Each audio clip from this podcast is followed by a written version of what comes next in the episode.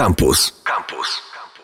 Cześć, witajcie. Monika Kita. Zapraszam na ekocykl w Radiu Campus. Dzisiaj będzie poświęcony segregacji odpadów. Zaczniemy od pierwszej z pięciu frakcji, czyli frakcji żółtej. To są metale i tworzywa sztuczne. W kolejnych odcinkach e, będę Wam mówić o innych rodzajach odpadów. A selektywna zbiórka śmieci, czyli segregacja, jest naszym obywatelskim obowiązkiem, to na pewno, tak nakazuje ustawa, ale jest też przejawem postawy ekologicznej, odpowiedzialności za siebie, za innych i za otaczające nas środowisko. Przeróżne badania opinii publicznej wskazują, że większość Polaków regularnie segreguje śmieci. To są zdumiewające liczby, nawet ponad 90% respondentów tak deklaruje. Ponadto badani uważają, że selektywna zbiórka odpadów jest potrzebna i ważna dla ochrony środowiska. Ale okazuje się, że prawie 50% ankietowanych nie potrafi poprawnie segregować śmieci. Jest sporo problematycznych kwestii, brakuje wciąż wiedzy i dostępu do informacji. Badani wskazują, że pomocne w sortowaniu byłyby odpowiednie oznaczenia na opakowaniach oraz pojemnikach na śmieci. Uczestnicy badania najczęściej wskazywali, że segregują plastik, może po prostu dlatego, że jest go najwięcej. I dziś właśnie skupimy się na właściwej segregacji śmieci z tworzyw sztucznych i metali.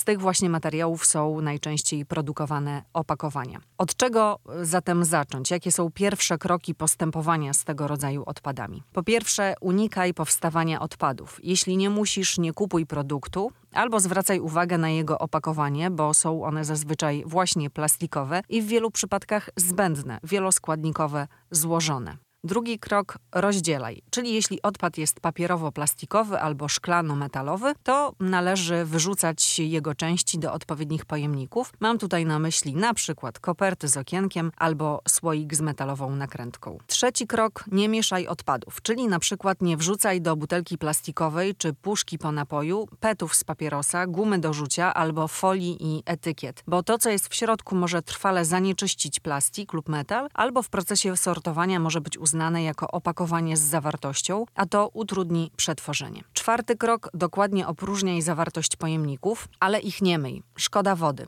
Czyli chodzi o to, żeby nie czyścić na przykład plastikowej butelki po oleju jadalnym albo puszki po sardynkach, ale też nie wyrzucać takich opakowań z resztkami jedzenia. I na koniec piąta zasada: zmniejszaj objętość odpadów, na przykład wkładaj kubki po jogurcie jeden w drugi i ważne, zgniataj opakowania plastikowe. To dotyczy przede wszystkim butelek po napojach, żeby nie zajmowały za dużo przestrzeni w worku czy pojemniku. Najgorsze są takie obrazki koszy miejskich, ulicznych, głównie latem, gdy wysypują się z nich puste butelki wypełnione powietrzem albo częściowo wodą czy innym napojem. Zwracam na to też Waszą uwagę, żeby w domu zmniejszać objętość śmietnika, bo odpady plastikowe najczęściej zajmują właśnie najwięcej przestrzeni. No i może teraz takie ogólne informacje, co wrzucać do żółtego pojemnika. Na pewno odpady plastikowe, folie, odpady metalowe, ale też opakowania po mleku, sokach, napojach. To jest taki wyjątek, specyficzny odpad wielomateriałowy, tak zwany tetrapak, na który składają się trzy materiały: papier, folia aluminiowa i folia z polimeru. Takie kartony po napojach i po mleku wyrzucamy do żółtego pojemnika.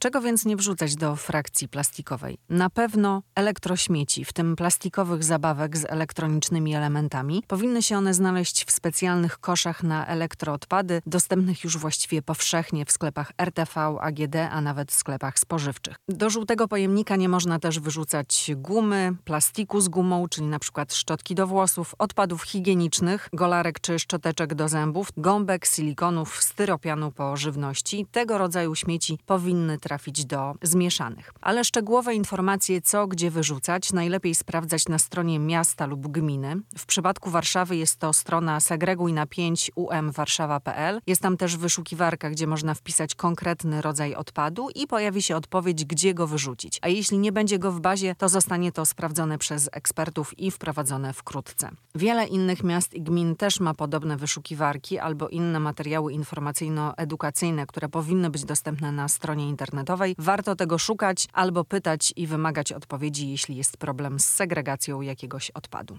Sortowanie śmieci jest ważne i potrzebne. To wynik naszych zachowań konsumenckich, bo kupujemy produkty, które po zużyciu stają się odpadami albo wyrzucamy ich opakowania. Tak więc segregacja śmieci jest krokiem do ich przetwarzania i tym samym oszczędzania wody i energii do wytworzenia nowego produktu. A z plastikowych i metalowych odpadów można odzyskać surowce, z których zostały wykonane i wyprodukować kolejne przedmioty. Plastiku na pewno nie wyeliminujemy z produkcji i z naszego życia, ale mamy wpływ na nasze nawyki konsumenckie i na decyzje o właściwym segregowaniu odpadów.